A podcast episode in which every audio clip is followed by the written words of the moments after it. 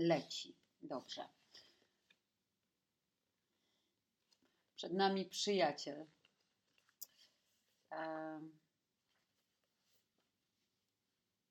Część pierwsza. W latach 80. XX wieku w Kalifornii wiele pochodzących z Kambodży kobiet zaczęło zgłaszać się do lekarzy z tym samym problemem. Nie widziały. Wszystkie chore okazały się uchodźczyniami. Zanim zdołały uciec z ojczyzny, były świadkami potworności dokonywanych przez rządzących od 1975 do 1979 roku czerwonych Kmerów. Wiele z tych kobiet zostało zgwałconych, torturowano je lub doświadczyły innych okrucieństw. Większość na własne oczy widziała śmierć członków rodziny. Jedna straciła wzrok, ponieważ codziennie przez cztery lata płakała po tym, jak żołnierze zabrali jej męża i troje dzieci. Nigdy więcej ich już nie zobaczyła. Nie tylko ona zapłakała się na śmierć. Inne cierpiały z powodu nieostrego widzenia lub częściowej utraty wzroku. Ich oczy dręczyły cienie i boleści. Lekarze badający te kobiety, łącznie około 150, odkryli, że z ich oczami wszystko jest w porządku. Dalsze badania wykazały, że nie doszło również do uszkodzeń mózgu. Jeśli kobiety mówiły prawdę, niektórzy w to wątpili, uważali bowiem, że chore symulują, pragnąc zwrócić na siebie uwagę lub wyłudzić zasiłek, to jedynym wyjaśnieniem była ślepota psychosomatyczna. Innymi słowy, umysły tych kobiet zmuszone do przyjęcia tak ogromnej dawki okrucieństwa i nie mające siły na więcej, postanowiły zgasić światło. To ostatnia rzecz, o której rozmawialiśmy, kiedy jeszcze żyłeś. Później już tylko e-mail od ciebie z listą książek, które, jak uznałeś, mogą przydać mi się w badaniach, a także były przecież święta, najlepsze życzenia na nowy rok. W twoim nekrologu znalazłam dwa błędy. Data przeprowadzki z Londynu do Nowego Jorku pomylona o jeden rok. Literówka w panieńskim nazwisku żony pierwszej. Drobiazgi wkrótce poprawione – ale wiedzieliśmy wszyscy, że niemiłosiernie by cię wkurzyły. Po twoim pogrzebie usłyszałam coś, co by cię rozbawiło. Szkoda, że nie mogę się pomodlić. Co cię powstrzymuje? On. Byłby, zrobiłby. Martwi spoczywają w okresie warunkowym, czasie nieprawdziwym, ale pojawia się też niezwykle, niezwykłe wrażenie, że stałeś się wszechwiedzący, że nic, co robimy, myślimy i czujemy, nie ukryje się przed Tobą. Wrażenie, że czytasz te słowa i wiesz, jakie będą następne, jeszcze zanim je napiszę. To prawda, że jeśli płaczesz wystarczająco intensywnie i wystarczająco długo, Twój wzrok może stać się nieostry. Leżałam w łóżku, był środek dnia, to jednak nie miało znaczenia. Od płaczu dostałam migreny. Od wielu dni męczył mnie pulsujący ból głowy.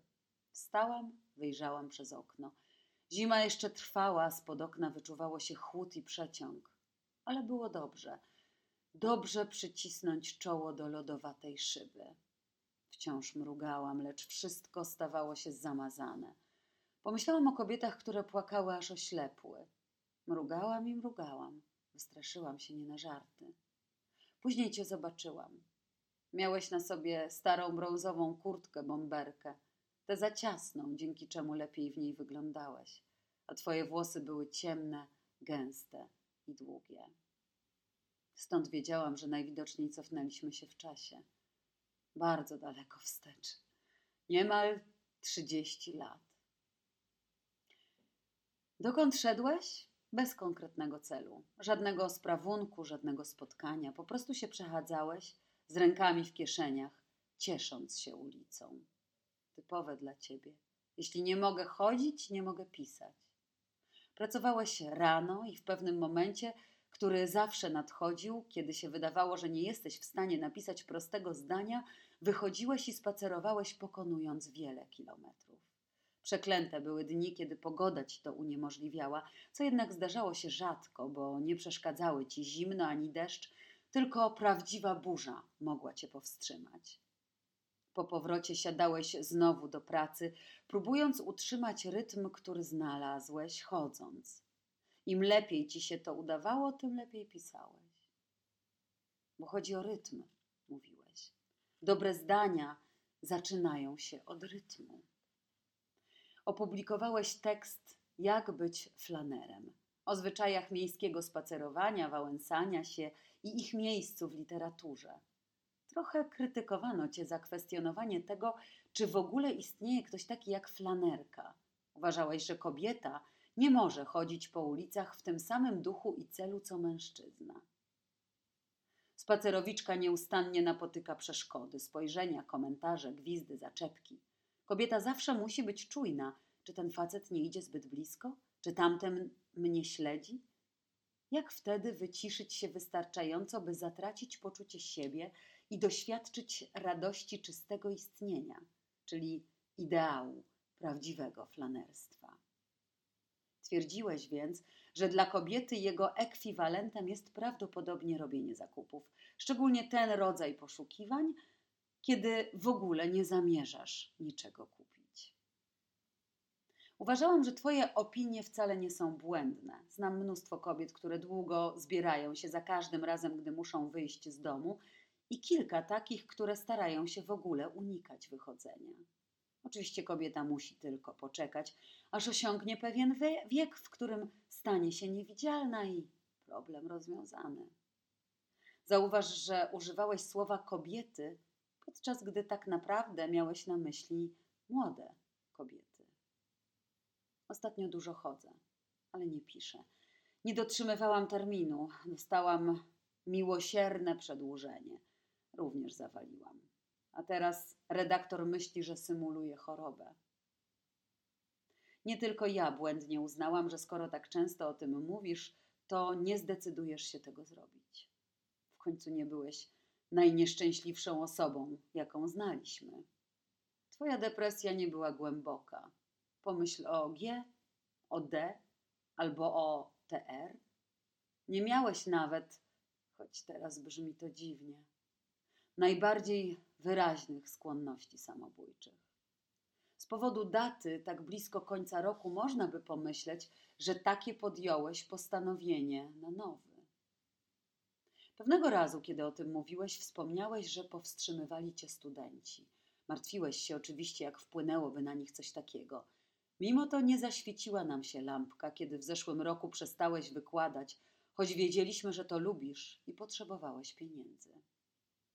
Innym razem powiedziałeś, że dla człowieka w pewnym wieku może to być racjonalna decyzja, całkowicie normalny wybór, a nawet rozwiązanie problemu, przeciwieństwie do sytuacji, w której samobójstwo popełnia osoba młoda, bo to zawsze błąd.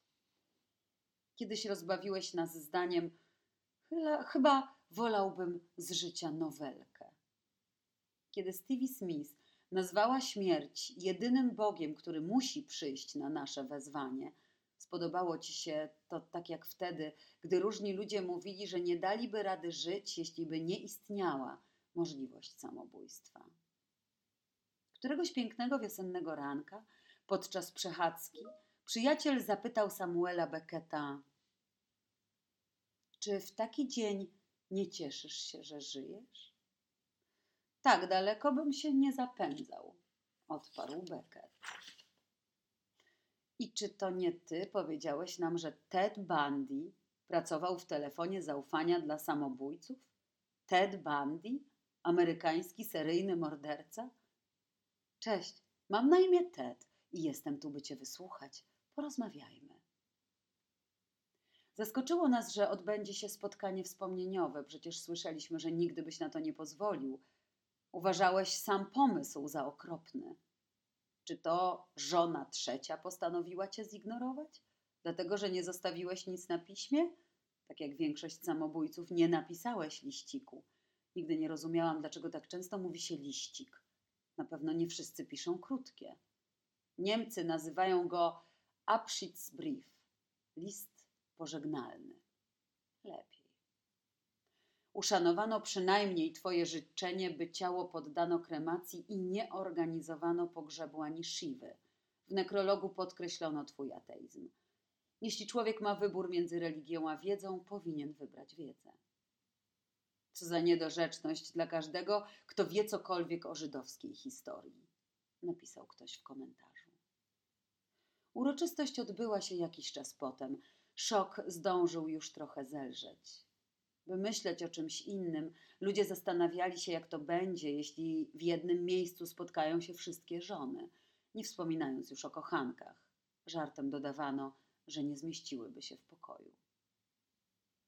Poza zapętlonym pokazem slajdów, dobitnie przypominającym o utraconej urodzie i młodości, spotkanie nie różniło się specjalnie od eventów literackich. Na przyjęciu ludzie rozmawiali o pieniądzach, nagrodach literackich jako zadośćuczynieniach i ostatniej recenzji w stylu umieraj autorze, umieraj.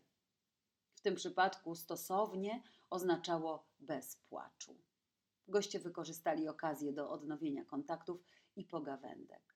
Komentarze i biadolenie, bo żona druga zbyt wiele zdradziła w tekście wspomnieniowym, a teraz plotka głosi, że zamierza rozwinąć go w książkę. Żona trzecia, trzeba przyznać, błyszczała, choć był to lodowaty błysk ostrza.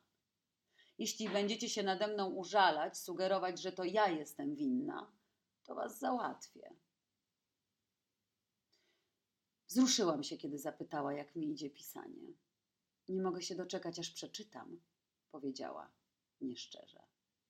Nie jestem pewna, czy dokończę, odparłam. Och, ale wiesz, on chciałby, żebyś dokończyła. Chciałby. Ona ma ten denerwujący zwyczaj powolnego kręcenia głową w trakcie mówienia, jakby przeczyła każdemu wymawianemu przez siebie słowu. Podszedł do nas ktoś trochę sławny. Zanim się odwróciła, spytała mnie jeszcze: Mogę do ciebie zadzwonić? Wyszłam wcześniej. Po drodze słyszałam, jak ktoś mówi: Mam nadzieję, że mo na moje pożegnanie przyjdzie więcej osób. I jeszcze teraz oficjalnie jest martwym białym mężczyzną. Czy to prawda, że światek literacki jest podszyty nienawiścią? Przypomina pole bitwy ze snajperami, na którym zazdrość i rywalizacja są nieustannie obecne? Zapytała dziennikarka radiowa jednego z uznanych autorów. Kto na to pozwolił? Tak tu dużo zawiści i wrogości, odparł pisarz i próbował wyjaśniać, to jak tonąca tratwa, na którą próbuje się wdrapać zbyt wiele osób. Tak więc każde kolejne zepchnięcie konkurenta sprawia, że dla ciebie tratwa jest bezpieczniejsza. Nieustannie wmawia się nam, że czytanie zwiększa empatię. Lecz wygląda na to, że pisanie odrobinę jej odbiera. Kiedyś na konferencji zaskoczyłeś licznie zgromadzoną publiczność, mówiąc: Skąd wam wszystkim przychodzi do głowy, że być pisarzem to coś wspaniałego? Simenon uważał, że pisarstwo to nie zawód, ale powołanie do nieszczęścia. Georges Simenon który napisał pod prawdziwym nazwiskiem sto powieści, kolejnych sto pod kilkudziesięcioma pseudonimami i który w wieku emerytalnym był najlepiej sprzedającym się autorem na świecie. Rzeczywiście, pełnia nieszczęścia, który chełpił się tym, że zaliczył ni mniej, ni więcej, tylko dziesięć tysięcy kobiet. Wiele, jeśli nie większość z nich to były prostytutki i który nazywał siebie feministą który za literacką mentorkę miał Colette, a za kochankę Josephine Baker.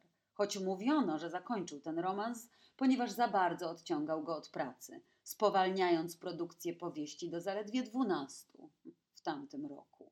Który zapytany, dlaczego został powieściopisarzem, odparł, że z nienawiści do matki. Sporo tej nienawiści. Simenon Flanner. Wszystkie moje książki pojawiły się w głowie podczas spaceru. Miał córkę, obsesyjnie w nim zakochaną. Kiedy była dziewczynką, poprosiła o obrączkę, którą ojciec jej dał. Dorastając, powiększała pierścionek, by pasował na palec. W wieku 25 lat się zastrzeliła. Pytanie: skąd młoda Paryżanka wzięła broń? Odpowiedź: od rusznikarza, o którym przeczytała w jednej z powieści ojca.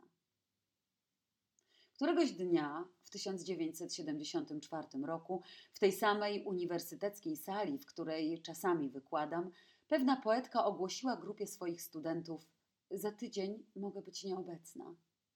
Później wróciła do domu, włożyła stare futro swojej matki i trzymając w dłoni szklankę wódki, zamknęła się w garażu. To futro jest szczegółem, który nauczycielce pisa nauczyciele pisania lubią wskazywać swoim studentom, jest tak zwanym znaczącym szczegółem, podobnie jak sposób, w jaki córka Simenona zdobyła broń, których w życiu znajduje się w nadmiarze, ale w studenckiej prozie zwykle są nieobecne. Poetka wsiada do swojego samochodu. Ma pomidorowo-czerwonego Mercurego Kugara z 1967 roku i odpala silnik. Na pierwszym prowadzonym przeze mnie kursie twórczego pisania, po tym jak podkreśliłam wagę szczegółu, jakiś student podniósł rękę i powiedział: Absolutnie się nie zgadzam. Jeśli potrzebuje pani dużej liczby szczegółów, powinna pani oglądać telewizję. Później zaczęłam rozumieć, że nie był to wcale komentarz tak głupi, jak mi się zdawało. Ten sam student zarzucił mi również, powiedział: Pisarze tacy jak pani. Że próbuje wystraszyć innych, przedstawiając sztukę pisarską jako coś znacznie trudniejszego niż jest w rzeczywistości. Dlaczego mielibyśmy to robić? zapytałam. Bez żartów rzucił, czy to nie oczywiste? Tort jest mały, każdy chce wyrwać kawałek dla siebie. Moja pierwsza nauczycielka twórczego pisania mówiła swoim studentom, że jeśli mogą w życiu wybrać jakiekolwiek inne zajęcie niż bycie pisarzem, jakikolwiek inny zawód, powinni to zrobić. Wczoraj wieczorem na stacji Union Square jakiś mężczyzna grał La Vie Rose na flecie w tempie Molto Giocoso. Ostatnio nieustannie chodzą za mną różne melodie i oczywiście ta w energicznym wykonaniu flecisty dręczyła mnie później przez cały dzień. Podobno, żeby pozbyć się z głowy takiej natrętnej melodii, trzeba kilka razy przesłuchać piosenkę w całości. Posłuchałam tej najsłynniejszej wersji, śpiewanej przez Edith Piaf, która napisała tekst i po raz pierwszy wykonała utwór w 1945 roku. I teraz to dziwny, płaczliwy i rozżalony głos wróbelka, duszy Francji, nie chce mi dać spokoju. Również na stacji Union Square człowiek z tabliczką bezdomny, bezzębny diabetyk. Niezłe, powiedział jakiś pasażer, rzucając drobne do papierowego kubka. Czasami, kiedy siedzę przy komputerze, na ekranie wyskakuje reklama z pytaniem: Piszesz książkę? O czym chce ze mną rozmawiać żona trzecia? Nie jestem tak ciekawa, jak mógłbyś sądzić. Gdyby istniał jakiś list, gdyby pozostała jakaś wiadomość od ciebie, do tej pory już bym je miała. Może ona planuje kolejne uroczyste spotkanie albo spisanie wspomnień? A jeśli tak, to znowu zrobi coś, czego nie chciałeś i mówiłeś mi o tym. Boję się tego spotkania nie dlatego, że jej nie znoszę, bo ją lubię, ale dlatego, że nie chcę być częścią żadnego z tych rytuałów. I nie chcę o tobie rozmawiać. Nasza relacja była dość nietypowa. Nie zawsze do końca jasna dla innych. Nie pytałam nigdy, nie pytałam, nigdy się więc nie dowiedziałam, co mówiłeś o nas swoim żonom. Zawsze byłam wdzięczna, że choć żona trzecia nie była moją przyjaciółką, tak jak żona pierwsza, to przynajmniej nie była moim wrogiem, jak żona druga. Nie zawiniła temu, że wasze małżeństwo pociągało za sobą modyfikację twoich przyjaźni. Tak to już jest z małżeństwami. Ty i ja najbliżej byliśmy w czasie pomiędzy żonami, w okresach, które nigdy nie trwały długo, ponieważ byłeś wręcz patologicznie niezdolny do samotnej egzystencji. Kiedyś powiedziałeś mi, że z paroma wyjątkami, na przykład gdy wyjeżdżasz służbowo, choćby promować książkę, a i wtedy nie zawsze, od 40 lat nie przespałeś nocy samotnie. Między żonami zawsze była jakaś dziewczyna, a między dziewczynami jednorazowe numery. Było także coś, co lubiłeś nazywa, nazywać przejazdówką, ale ona nie obejmowała snu. I tu pauza, by wyznać nie bez wstydu Nigdy bez ukłucia w sercu nie wysłuchałam informacji, że znowu się zakochałeś. Nie potrafiłam też zdusić radości za każdym razem, gdy mówiłeś, że z kimś się rozstajesz. Nie chcę o tobie rozmawiać, słuchać, jak inni to robią. Oczywiście to frazes. Rozmawiamy o zmarłych, by ich zapamiętać, zatrzymać przy życiu w jedyny możliwy sposób. Okazało się jednak, że im więcej ludzi o tobie mówi na wykład, na przykład wygłaszając mowę na spotkaniu wspomnieniowym, ludzie, którzy Cię kochali, którzy dobrze Cię znali, którzy dobrze radzą sobie ze słowem, tym dalej uciekałeś, tym bardziej stawałeś się hologramem. Ulżyło mi, że przynajmniej nie zaprosiła mnie do Twojego domu. To wciąż jest Twój dom. Nie, żebym miała z nim jakieś specjalnie silne skojarzenia. Byłam tam tylko parę razy w ciągu kilku lat, odkąd stał się Twój. Pamiętam jednak dobrze pierwszą wizytę w tej starej kamienicy, niedługo po tym, jak się wyprowadziłeś, wprowadziłeś. Podziwiałam wbudowane regały na książki, piękne chodniki na starych podłogach z orzechowego drewna i uświadomiłam sobie, jak bardzo burżuazyjni są współcześni pisarze. Kiedyś, przy wspaniałej kolacji w domu innego pisarza, ktoś przypomniał słynną zasadę Flauberta, by żyć jak burżuj i myśleć jak półbóg, choć nigdy nie rozumiałam, jak życie tego szalonego mężczyzny mogło przypominać żywot jakiegokolwiek zwyczajnego mieszczanina. Współcześnie, zgodzili się goście, nie istnieją już niezaradni przedstawiciele cyganerii. Zastąpili ich hipsterzy, znani ze swojego obycia, konsumenckiego sprytu, wyrafinowanego podniebienia i wysublimowanych gustów. I bez względu na to, czy to fair, stwierdził gospodarz, otwierając trzecią butelkę wina, wielu współczesnych pisarzy przyznaje się do zażenowania czy wstydu z powodu swojego zajęcia. Ty, ponieważ przeprowadziłeś się tam wiele lat przed boomem, byłeś załamany, widząc jak Brooklyn staje się marką na sprzedaż. Zastanawiałeś się, dlaczego w twojej okolicy tak trudno teraz pisać, jak o kontrkulturze lat sześćdziesiątych. Bez względu na to, jak szczere były te wysiłki, wciąż spod napisanej kartki przesiąkał atrament parodii. Tak samo słynne jak opinia Flauberta są słowa Virginia Woolf. Człowiek nie będzie dobrze myślał, dobrze kochał, dobrze spał, jeśli nie spożył przedtem dobrego posiłku. I wszystko jasne. Przymierający głodem artysta nie zawsze był jednak legendą, a wielu myślicieli żyło w biedzie lub chorowa, chowano ich za publiczne pieniądze. Wolf wymienia Flauberta i Kitsa jako geniuszy, którzy bardzo cierpieli, ponieważ świat był na nich obojętny. Ale co powiedziałby o niej Flaubert? On, który twierdził, że wszystkie kobiety artystki to dziwki? Oboje tworzyli postacie, które odbierały sobie życie. Jak zrobiła to Wolf? Był taki czas, nawet całkiem długi, kiedy ty i ja widywaliśmy się niemal codziennie. Tymczasem od kilku lat równie dobrze moglibyśmy mieszkać w innych krajach, a nie innych dzielnicach, bo choć byliśmy w stałym kontakcie, to głównie mailowym. W zeszłym roku częściej wpadaliśmy na siebie przypadkiem na jakiejś imprezie, spotkaniu autorskim czy innym, a nie po umówieniu. Dlaczego więc tak bardzo boję się wejść do Twojego domu? Bo chyba się rozsypię. Na widok znajomej części Twojej garderoby, jakiejś książki czy zdjęcia, jeśli wyczuję ślad Twojego zapachu i nie chcę się rozsypać, mój Boże, nie chcę się rozsypać, stojąc obok wdowy po tobie.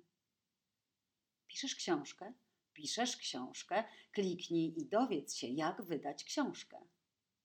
Ostatnio, odkąd zaczęłam pisać tę książkę, zaczęła wyskakiwać nowa wiadomość. Jesteś samotny? Cierpisz na zaburzenia lękowe, masz depresję? Całodobowy telefon zaufania. Zadzwoń. Jedyne zwierzę, które popełnia samobójstwo, jest również jedynym zwierzęciem, które szlocha. Choć słyszałam, że jelenie zagonione przez psy, wyczerpane nagonką, nie mogąc uciec, czasami także ronią łzy. Istnieją również doniesienia o płaczących słoniach. No i ludzie opowiedzą ci najróżniejsze łzawe historie o swoich kotach i psach. Według naukowców zwierzęce łzy to objaw stresu. Nie można ich mylić z emocjonalną istotą ludzką. U ludzi skład chemiczny łez wywołanych emocjami różni się od łez oczyszczających lub nawilżających oko, na przykład z powodu podrażnienia. Wiadomo, że uwolnienie tych substancji pomaga płaczącemu, co wyjaśnia, dlaczego ludzie zazwyczaj czują się lepiej, kiedy porządnie sobie popłaczą, oraz dlaczego niesłabnącą popularnością cieszą się wyciskacze łez. Laurence Olivier podobno wpadał we frustrację, ponieważ w przeciwieństwie do wielu innych aktorów nie potrafił płakać na zawołanie. Ciekawie byłoby poznać chemiczny skład łez produkowanych przez jakiegoś aktora i dowiedzieć się, do którego rodzaju należą. W legendach i bajkach ludzkie łzy, podobnie jak ludzkie nasienie i ludzka krew, miewają magiczne właściwości. Pod koniec baśni o Roszpunce, kiedy po latach nieszczęścia spędzonych osobno bohaterka i książę odnajdują się i obejmują, jej łzy wpadają mu do oczu i cudownym sposobem przywracają księciu wzrok, który ten stracił przez złą czarownicę. Jedna z wielu legend o Edith Piaf również dotyczy cudownego odzyskania przez nią wzroku. Zapalenie rogówki, które w dzieciństwie na kilka lat oślepiło przyszłą artystkę, minęło po tym, jak prostytutki pracujące w burdelu babki Edith, który był wówczas jej domem, zabrały dziecko na pielgrzymkę do Lisieux, gdzie została pochowana święta Teresa od Dzieciątka Jezus.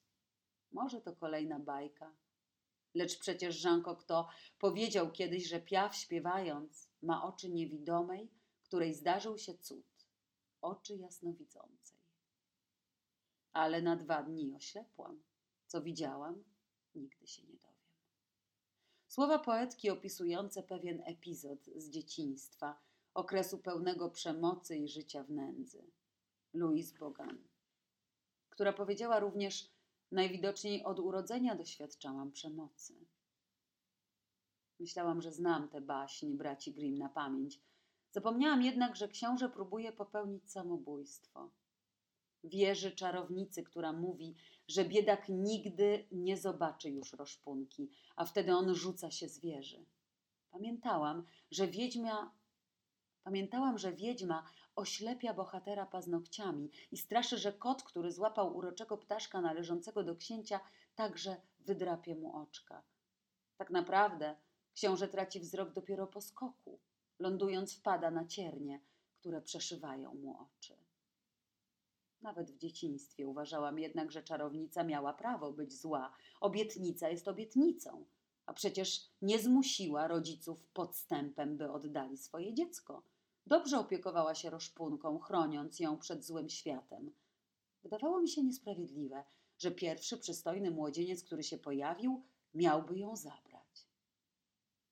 W dzieciństwie, w czasie kiedy najbardziej lubiłam czytać bajki, miałam niewidomego sąsiada. Choć był dorosły, wciąż mieszkał z rodzicami. Oczy zawsze ukrywał za dużymi, ciemnymi okularami. Nie rozumiałam, dlaczego osoba niewidoma musi chronić oczy przed światłem. Odsłonięta część jego twarzy była surowa i przystojna, jak u telewizyjnego kowboja. Może był gwiazdą filmową albo tajnym agentem, lecz w opowiadaniu, które o nim napisałam, był zranionym księciem i moje łzy go ocaliły.